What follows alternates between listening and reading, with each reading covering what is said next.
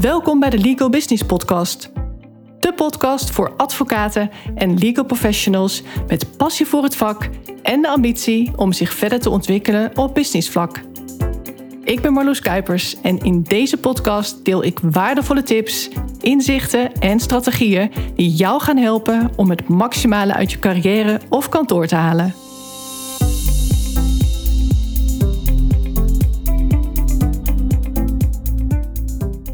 Het is het einde van het jaar en dus is dit ook de tijd van de jaarlijkse beoordelingsgesprekken. Tenminste, dat is wel gebruikelijk. Meestal vindt er halverwege het jaar een functioneringsgesprek plaats en aan het einde van het jaar een beoordelingsgesprek. Dat is tenminste gebruikelijk, maar toch gebeurt dat lang niet altijd. Niet officieel althans. Ik las een LinkedIn-post van iemand uit de HR-hoek en zij had het over veroordelingsgesprekken. En daar ben ik het nog niet zo mee eens. Het is tegenwoordig al zo'n trend om alles heel negatief te belichten. Alles wat maar enigszins hiërarchisch is, wordt al snel bekritiseerd. Ik ben persoonlijk van mening dat er wel degelijk een bepaalde mate van hiërarchie moet zijn.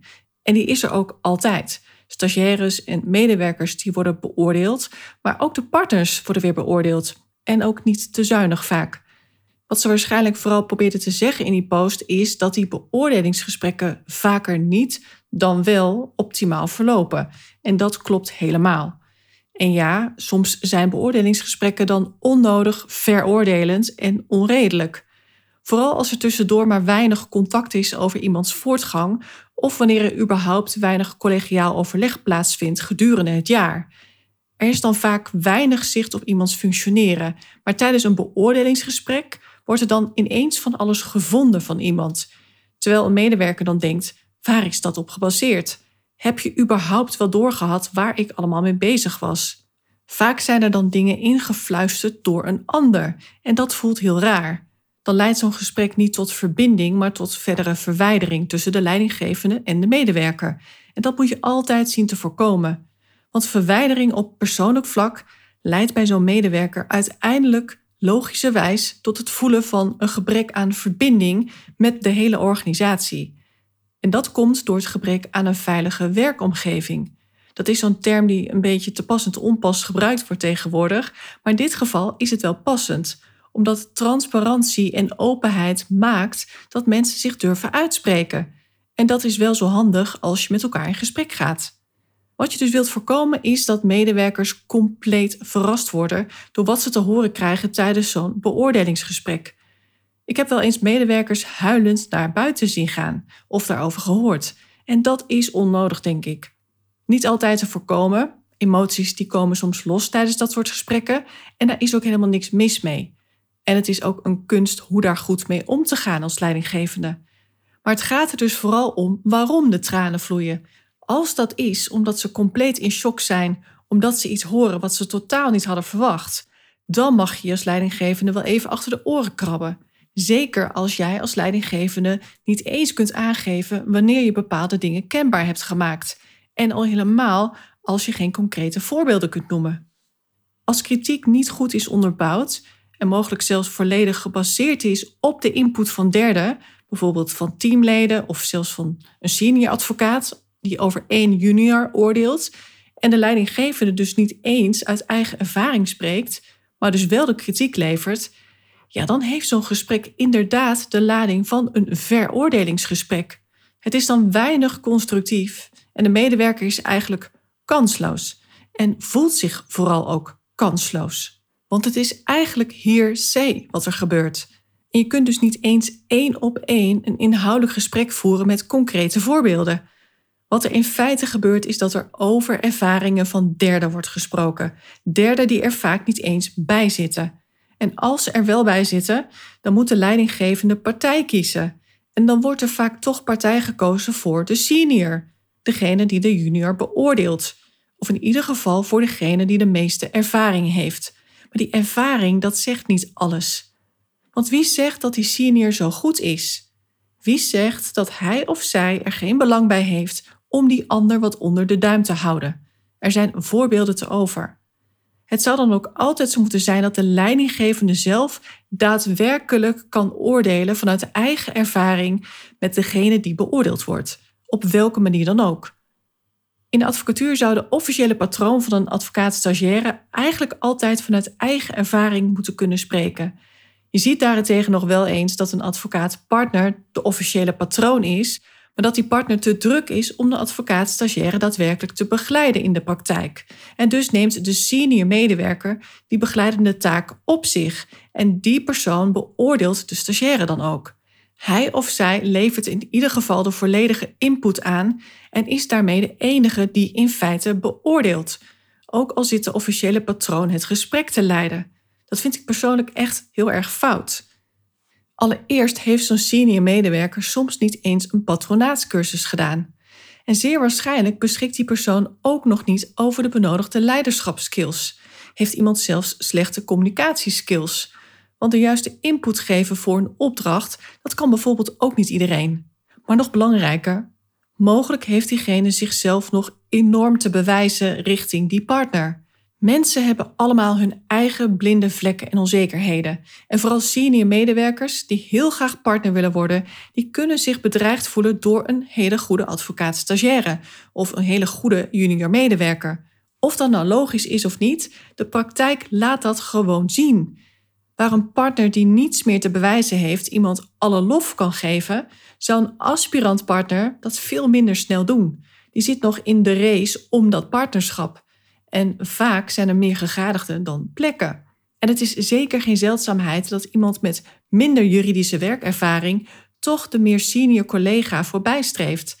Dat gebeurt dan als die ander over veel betere soft skills beschikt. Als diegene beter is in acquisitie en echt weet hoe je aan relaties moet bouwen. Als iemand een natuurlijke leider is en dus makkelijk mensen meekrijgt. Of wanneer iemand simpelweg een heel prettig persoon is in de omgang. En zo kan ik nog wel even doorgaan qua kwaliteiten die maken dat iemand opvalt en dus sneller carrière maakt dan gemiddeld. Het is niet zo moeilijk om het van een meer senior advocaat te winnen, als je op die niet-juridische vlakken dus uitblinkt. Het is zelfs niet moeilijk om van bepaalde partners te winnen op die vlakken. En dan heb ik het over de partners die vaak als logische volgende stap in hun carrière partners zijn geworden. Je werkt ergens x aantal jaar je hebt het geld om je in te kopen en zo kun je partner worden. Dat zijn soms partners die eigenlijk ongeschikt zijn voor die rol. Ze zouden zich alsnog op al die vlakken kunnen ontwikkelen om dus wel die allround partner te worden en het daarmee niet alleen voor anderen, maar vooral ook voor zichzelf leuker en makkelijker te maken. Maar dat gebeurt dus vaker niet dan wel. Een kantoor accepteert vaak gewoon dat er altijd gedoe is met bepaalde personen. En de partner zelf weet niet wat hij of zij niet weet, dus die onderneemt ook geen actie. Tja, zo krijg je dus onwenselijke situaties op de werkvloer die dan ook nooit zullen veranderen, terwijl ze wel zouden kunnen veranderen. Er is momenteel best veel te doen over beoordelingsgesprekken en functioneringsgesprekken. Moet het nog wel zo heten? Is het überhaupt nog wel van deze tijd? Die kritiek die komt vooral doordat die gesprekken vaak niet goed gevoerd worden dan krijg je dus die verhalen over veroordelingsgesprekken. En dat klinkt heel lelijk en ik ben er dus ook geen voorstander van. Want het is vaker onkunde dan onwil dat het misgaat tijdens die gesprekken. Allereerst moet niet onderschat worden hoezeer veel leidinggevenden hier torenhoog tegenop zien. Het is een onderwerp dat de laatste tijd veelvuldig aan bod komt tijdens de coachingsgesprekken die ik voer met advocaatpartners of advocaatondernemers. Het heeft toch allemaal weer te maken met leiderschap, durven zeggen wat je denkt, maar ook gesprekstechnieken beheersen, dingen op de juiste manier kunnen brengen en goede communicatieskills hebben in het algemeen. Bewust zijn van je lichaamshouding, van je mimiek en intonatie. Kun je mensen op hun gemak stellen. Hoe beter er gedurende het jaar door wordt gecommuniceerd, des te soepeler gaan officiële gesprekken. Want zo'n evaluatiegesprek of het nou een beoordelingsgesprek is of een functioneringsgesprek, dat zal dan nooit een complete verrassing zijn qua inhoud. Maar vaak wordt er zo minimaal gecommuniceerd gedurende het jaar dat mensen het gewoon ongemakkelijk vinden om er echt voor te gaan zitten tijdens een officieel gesprek. En dat is ook wel begrijpelijk. Als er tussendoor iets speelt, moet je als leider, maar ook als medewerker de moed hebben om dan al het gesprek aan te gaan. Zo gaan dingen ook geen eigen leven leiden. En dat geldt ook voor het vrijmaken van tijd voor zoiets. Onvredetijdig communiceren moet altijd prioriteit krijgen. En datzelfde geldt overigens voor het uitdelen van complimenten. Als er iets is wat mensen motiveert, dan is het wel waardering krijgen, erkenning krijgen. Dat is veel waardevoller dan salarisverhoging of een grotere leaseauto. En complimenten worden sneller vergeten dan geleverde kritiek. Dat mag je ook onthouden. Ik noemde net zowel de term functioneringsgesprek als beoordelingsgesprek en daar zit verschil in. Wellicht weet je dat al lang, maar misschien ook niet, of ben je het weer deels vergeten. Dus daarom ga ik het nu toch maar even kort benoemen. Vooral ook omdat er meer kantoren zijn dan je wellicht denkt die dat soort gesprekken niet officieel voeren. Er worden wel gesprekken gevoerd, maar die zijn te informeel en er wordt niets vastgelegd of niet op de juiste manier. Er worden geen duidelijke afspraken gemaakt, bijvoorbeeld. Bij een functioneringsgesprek is sprake van tweerichtingsverkeer. De medewerker en de leidinggevende die kunnen allebei hun mening uiten en hun wensen naar voren brengen. Het gesprek is gebaseerd op gelijkwaardigheid en dan in de zin van gelijkwaardige gesprekspartners. Zowel de leidinggevende als de medewerker zijn verantwoordelijk voor de inbreng qua onderwerpen, maar ook voor het goede verloop van het gesprek. In een functioneringsgesprek staat het toekomstig functioneren van de medewerker binnen de organisatie centraal. Er wordt samengekeken naar de toekomst, waarbij eigenlijk alles kan worden besproken. Waar wil iemand bijvoorbeeld naartoe? Wat heeft diegene nodig? Is dat meer begeleiding of juist meer uitdaging of hulp bij het ontwikkelen van bepaalde skills? En er kunnen ook concrete doelen worden besproken, waarbij tevens van belang is om te toetsen in hoeverre de doelen van de medewerker matchen met die van kantoor. Dit is trouwens niet het gesprek om het over een eventuele promotie of salarisverhoging te hebben. Dan hebben we nog het beoordelingsgesprek. Daar is sprake van eenrichtingsverkeer. Want tijdens een beoordelingsgesprek liggen de rollen verder uit elkaar dan bij een functioneringsgesprek. Want hierin is het de taak van de leidinggevende om het werk van de medewerker echt te beoordelen. Nou, wat wordt er dan zoal beoordeeld? Allereerst iemands inzet, maar natuurlijk ook de behaalde resultaten. In de advocatuur gaat het dan natuurlijk over de behaalde omzet. Hoeveel declarabele uren zijn er gemaakt? En niet onbelangrijk, wat werd er uiteindelijk gedeclareerd en wat werd er ook daadwerkelijk betaald? Dat zegt natuurlijk wat over iemands effectiviteit en over iemands declaratiegedrag. De leidinggevende die kijkt tijdens het beoordelingsgesprek ook terug op eerder gemaakte afspraken over prestaties en persoonlijke doelen en of deze al deels of geheel behaald zijn. Op basis van verschillende beoordelingspunten wordt ook besloten of een medewerker wellicht salarisverhoging of een bonus heeft verdiend. Bij ondermaats presteren kunnen er ook minder leuke consequenties zijn, zoals bijvoorbeeld contractsbeëindiging of er kan geconcludeerd worden dat iemand niet in aanmerking komt voor het partnerschap. Soms kan er zelfs aanleiding zijn om te verlangen dat iemand een stapje terug doet qua positie. Wat vormt eigenlijk de basis van een beoordelingsgesprek? Beoordelingsgesprekken worden vaak gevoerd op basis van KPI's, oftewel Key Performance Indicators. Of ze zouden in ieder geval gevoerd moeten worden op basis van KPI's. Aan de hand van KPI's kun je concrete doelstellingen bepalen en prestaties van medewerkers meten. Een KPI is in feite een getal wat gekoppeld is aan een bepaalde prestatie. Een KPI in de advocatuur is bijvoorbeeld het urentarget. In hoeverre is dat behaald? En hoe zit het met het omzettarget? Daar kan verschil in zitten. Als kantoor kan ook klanttevredenheid een KPI zijn. Zeker als je met een platform samenwerkt als advocaat scoren. Dan kun je als doel stellen om hoger te scoren dan vorig jaar. Hier heeft natuurlijk elke medewerker ook aan bij te dragen. Dus je zou dan als KPI kunnen stellen dat medewerkers aan hun cliënten om een review vragen. Waarvan naar verwachting x aantal dat ook daadwerkelijk zal doen. En dat is dan het concrete doel. En ook weer heel makkelijk te meten. KPI's hebben voor beide partijen voordelen. Want medewerkers die hebben concrete doelstellingen die bovendien meetbaar zijn. Dat is natuurlijk fijn, want er valt concreet ergens naartoe te werken. Als kantoor zijnde is het ook prettig om het over concrete, meetbare prestaties te kunnen hebben. Dat vergemakkelijkt ook het voeren van beoordelingsgesprekken. Haalt iemand het gewenste niveau? Matcht iemand nog met het functieprofiel? Je stapt als het ware af van subjectieve gevoelens, maar hebt het over objectieve cijfers. Je laat de KPI's leidend zijn. Zo kun je bijvoorbeeld vragen: We hebben doel X afgesproken. Hoe is dat gegaan het afgelopen jaar? Wat heb je gedaan om doel X ook te bereiken? Dat is totaal anders dan wanneer je zegt: Ik heb het gevoel dat je wat moeite hebt met acquisitie. Of ik heb het gevoel dat je niet zo klantgericht bent. Dat is een mening die kan voelen als een persoonlijke aanval. Probeer de KPI's ook vooral positief te gebruiken. Dat betekent dus dat je ook beloningen koppelt aan goede prestaties. Door bijvoorbeeld een bonus te geven of salarisverhoging, maar vooral ook een schouderklopje. Laat merken dat iemands persoonlijke groei en de behaalde successen worden gezien en gewaardeerd. Als er iets is dat motiverend werkt, is dat het wel. Dan nu nog wat tips voor het voeren van een goed beoordelingsgesprek als leidinggevende. Spreek allereerst duidelijke doelen af. Een beoordelingsgesprek heeft namelijk weinig zin als er geen duidelijke doelen worden geformuleerd. Medewerkers moeten namelijk weten waarop ze worden beoordeeld.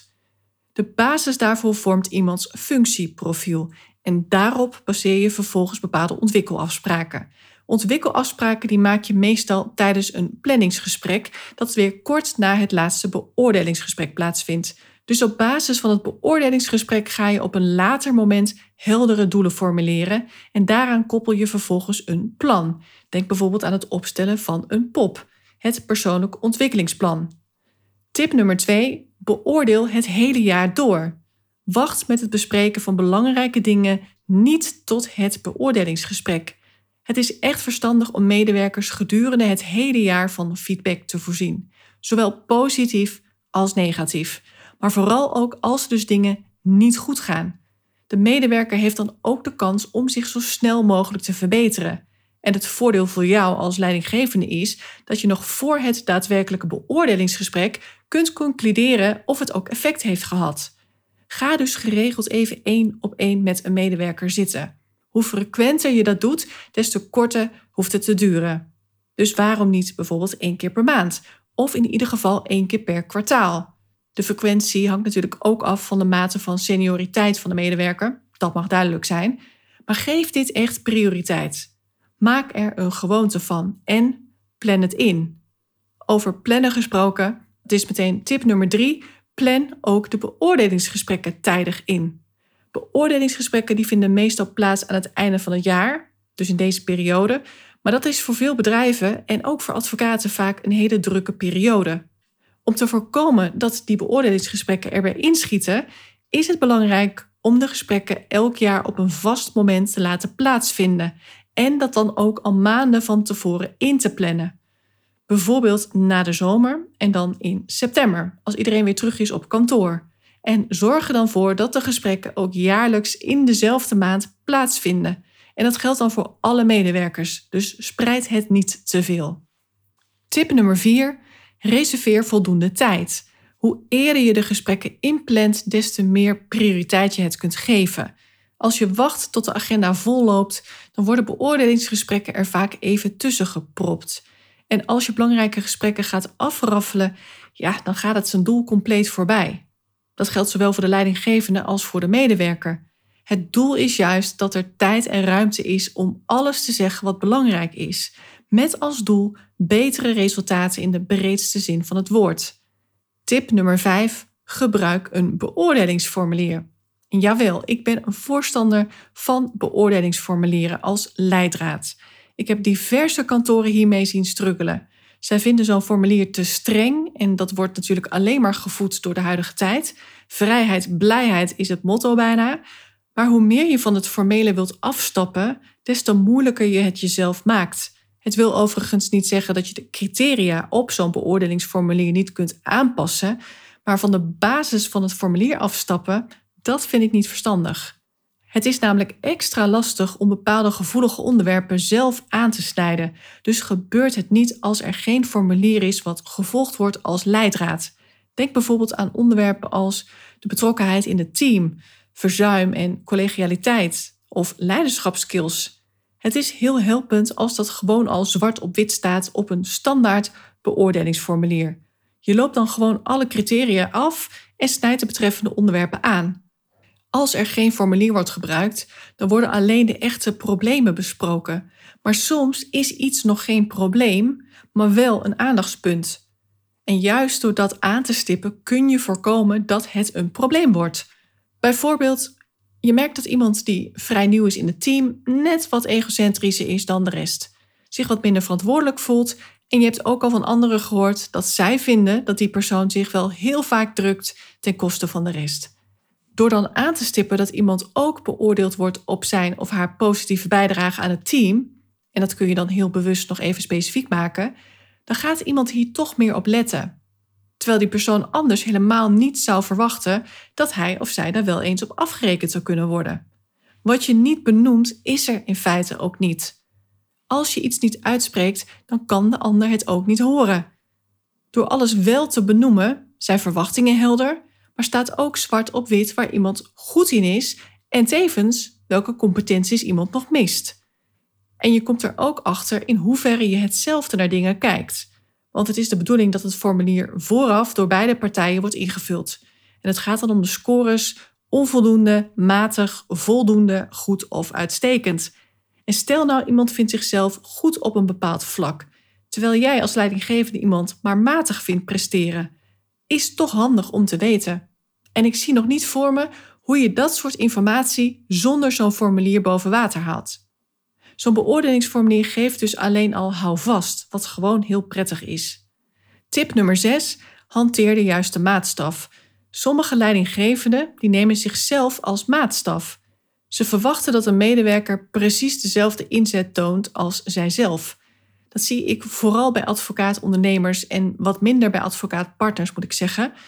Ik begeleid diverse advocaat-ondernemers en die staan soms raar te kijken als een advocaat-medewerker zegt: Ja, maar dit hoort niet bij mijn functie, dus dat doe ik niet. En dan gaat het om dingen als even de vuilniszakken wegbrengen of helpen met een kantoorverhuizing, de planten water geven, de vaatwasser uitpakken, iets schoonmaken, etc.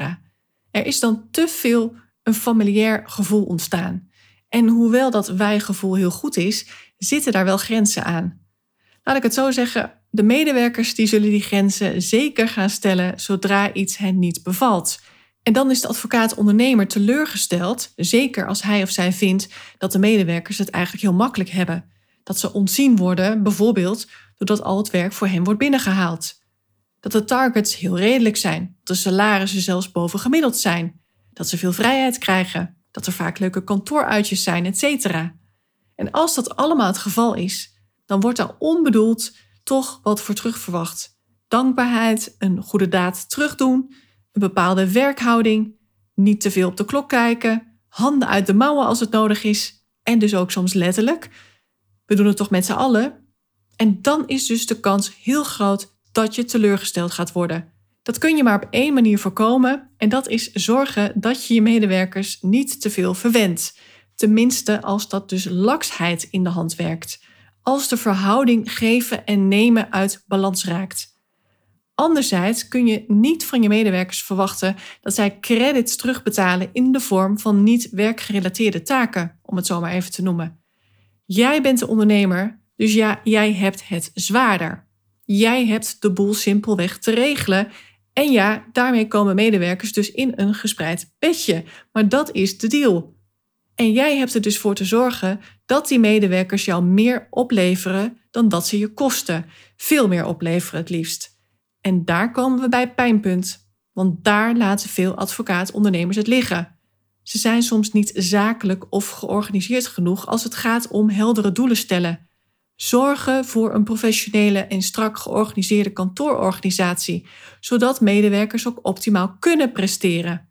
Faciliteer hen waar mogelijk, maar vraag daar dus ook wat voor terug. En dan kom ik weer terug op die KPI's. Reken door wat er behaald moet worden, zodat je als kantoor echt winstgevend bent, dat je lucratief bent. Als een kantoor goed draait, dan is er als het goed is ook voldoende geld om alle niet vakgerelateerde taken uit te kunnen besteden. Zorg voor goede schoonmakers, voor verhuizers, klusjesmannen, genoeg secretaresses, een office manager, whatever. Zorg dat je een team hebt dat je kunt inschakelen. Maar er wordt vaak op de verkeerde dingen bezuinigd, wat intern voor discussies zorgt, die soms compleet uit de hand kunnen lopen. Denk dan aan de ondernemer die zegt: Nou, dit gaan we even met z'n allen aanpakken, in plaats van dat we externe hulp inschakelen, want dit is veel goedkoper. Maar met als gevolg dat er dus heel veel gemopper ontstaat en frustratie. En wellicht weigeren sommigen iets waar anderen zich weer niet over uit durven spreken. Allemaal niet bevorderlijk voor de team spirit en het kost je dus meer dan je denkt. Aan de andere kant wordt er aan de voorkant vaak niet professioneel en strak genoeg opgetreden. En hiermee bedoel ik actief zorgen voor gezonde groei van het kantoor. Voldoende voorspelbare cashflow, zodat je kunt blijven groeien en kunt blijven optimaliseren. Dan komen we bij tip nummer 7. Blijf bij de feiten. Een beoordeling moet gebaseerd zijn op feiten. Gebruik bijvoorbeeld enkele resultaten waar de betreffende medewerker persoonlijk verantwoordelijk voor is. Denk aan de gestelde KPI's. Een hele specifieke kan bijvoorbeeld zijn praktijkopbouw. Hoe vordert dat? Of nog specifieker, acquisitie. Welke acties heeft iemand ondernomen en wat is het resultaat daarvan? Of stel iemand is verantwoordelijk voor het know-how systeem of die zou gaan publiceren. Dat zijn allemaal heldere doelen die ook te meten zijn. Vermoedens of geruchten die mogen bij de beoordeling geen rol spelen, want deze hoeven namelijk niets te zeggen over het functioneren van een werknemer. So stick to the facts. Dan tip nummer 8, geef nieuwe kansen. Bijna iedere medewerker maakt wel eens een fout. Geef iemand dan oprecht een tweede kans. Stel dat er ooit iets flink is misgegaan. Als dat dan tijdens een eerdere beoordeling uitgebreid is besproken, ga het dan niet weer steeds oprakelen. Voor sommige medewerkers kan er dan juist een grote onzekerheid gevoed worden, wat het toekomstige presteren juist negatief beïnvloedt.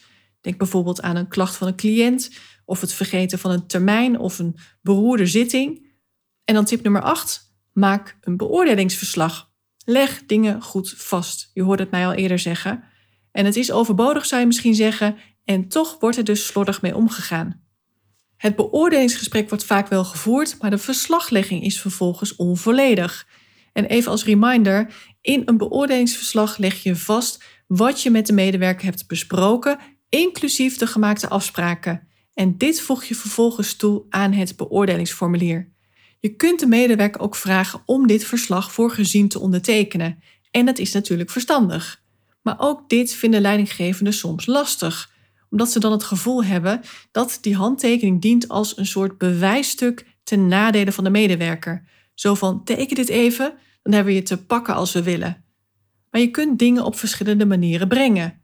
Zo kun je ook zeggen: Ik wil graag weten of alles wat hierin staat correct is, zodat we later geen misverstand krijgen over wat er is gezegd of hoe dingen zijn bedoeld. Als je dan allebei je handtekeningen eronder zet, dan is er ook weer sprake van gelijkwaardigheid en kun je elkaar allebei aan de inhoud van het beoordelingsgesprek houden. Dat is dan de beeldvorming.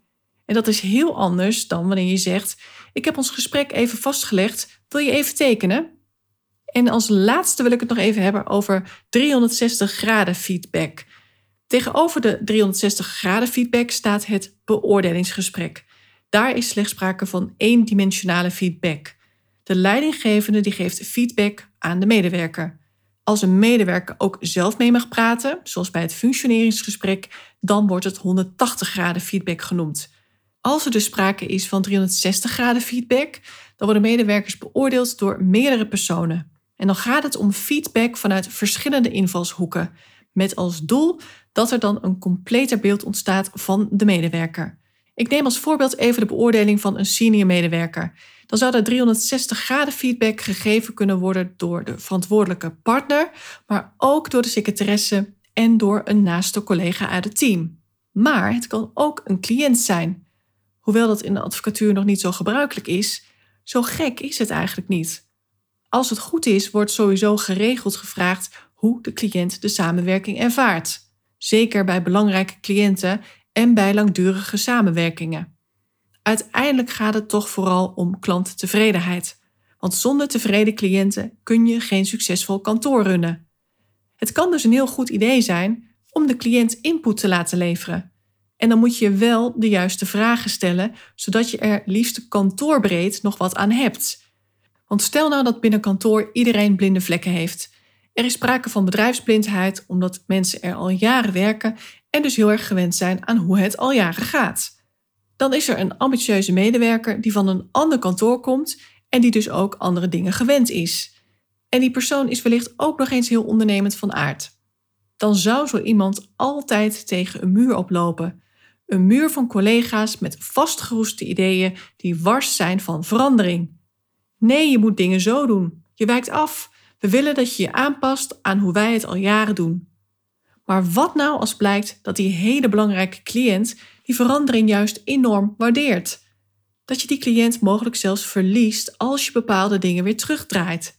Zonder die 360 graden feedback zou die medewerker altijd aan het kortste eind trekken.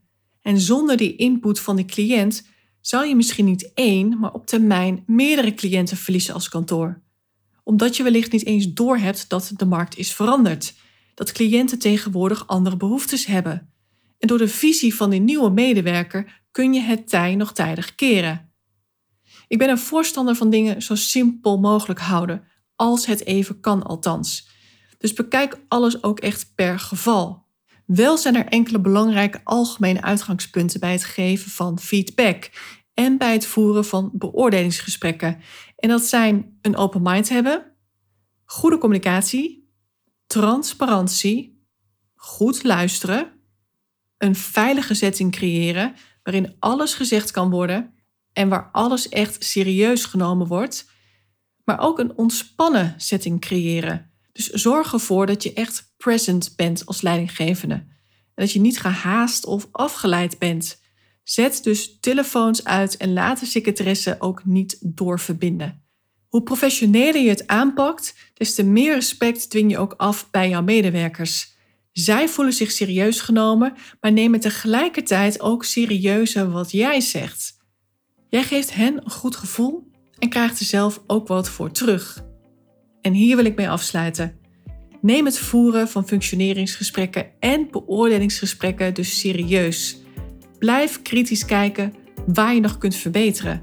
Hoe je de beoordelingscriteria en de wijze van beoordelen nog beter kunt laten aansluiten aan wat jullie als kantoor nodig hebben.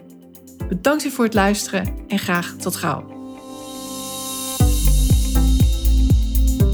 Dankjewel voor het luisteren. Mocht je deze podcast waardevol vinden, abonneer je dan of volg mijn podcast zodat je geen aflevering hoeft te missen. En deel hem ook vooral in je netwerk. Ook zou je mij een groot plezier doen met een 5-sterren review die je kunt achterlaten op iTunes. Niet alleen wordt de podcast dan beter gevonden, maar je helpt ook weer andere advocaten en juristen in hun reis naar succes en geluk. Uiteraard vind ik het leuk om te horen wat je meeneemt uit deze aflevering. Stuur me een bericht op LinkedIn of mail naar info.marloeskuipers.nl. Heb jij bepaalde ambities en wil je weten hoe ik jou zou kunnen helpen bij het verwezenlijken daarvan? Vraag dan een gratis meesterschapscall aan via mijn website. Ga naar www.marloeskuipers.nl.